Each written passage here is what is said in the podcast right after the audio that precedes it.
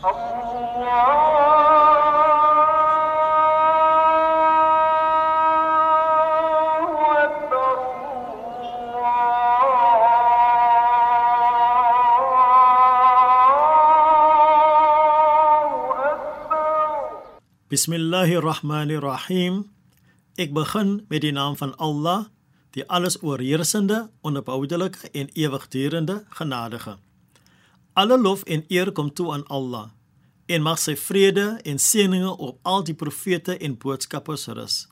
Ek vra ondersteuning van die boodskapper van Allah, die vriende van die boodskapper van Allah en van ons leermeesters. Assalamu alaykum wa rahmatullahi wa barakatuh die vrede en die seëninge van Allah op u. Die vraag ontstaan nou: Wat is die belangrikheid daarvan om te weet hoe groot die troon van Allah is? Imam Ahmad was gevra: Hoe ver is die troon van Allah van ons af? Hy antwoord en sê: 'n opregte dua vanuit 'n opregte hart. Dit beteken dat jy enige tyd na Allah kan uitroep ongeag sy majesteit want dit oorkom enige gedagte van afstand. Daar is baie voorgeskrewe of masnoon duaat of uitroepe wat na die Here van die indrukwekkende troon verwys. Daar is 'n gebeurtenis in die lewe van Nabi Muhammad sallallahu alaihi wasallam waar hy sy vrou verlaat het terwyl sy besig was om te bid. Toe hy terugkom, toe vind hy haar nog steeds bidend. Hy vra toe vir haar: "Hoe lank is jy daarmee besig?" Sy sê toe: "Die hele oggend." Hy sê vir haar: "Ek het 'n dua of die ekwivalent wat wat die ekwivalent is wat jy die hele van wat jy die hele oggend gedoen het.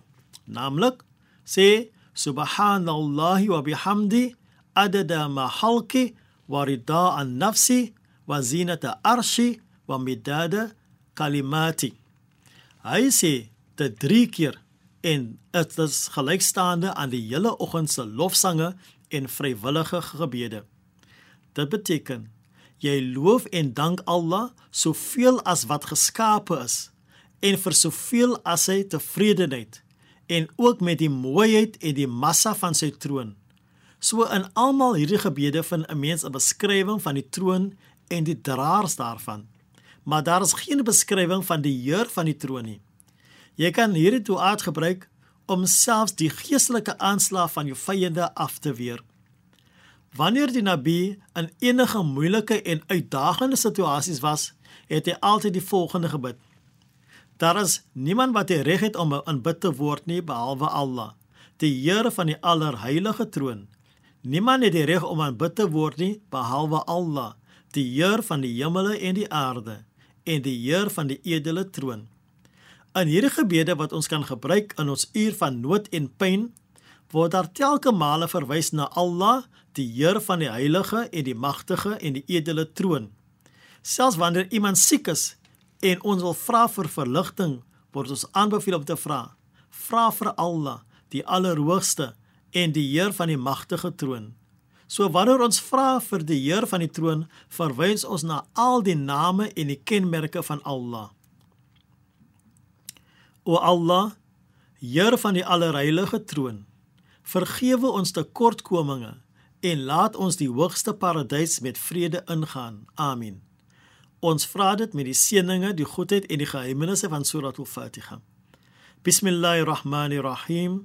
Ek begin met die naam van Allah, die alles oorheersende, die onverboudelike, genadige. Alle lof kom Allah toe, die Heer van die geskapende orde, die alles oorheersende genadige, die onophoudelike en die ewigdurende genadige. Meester van die oordeelsdag. U alleen aanbid ons en u alleen smeek ons om hulp. Lei ons op die regte weg, die weg van hulle wie u guns verdien.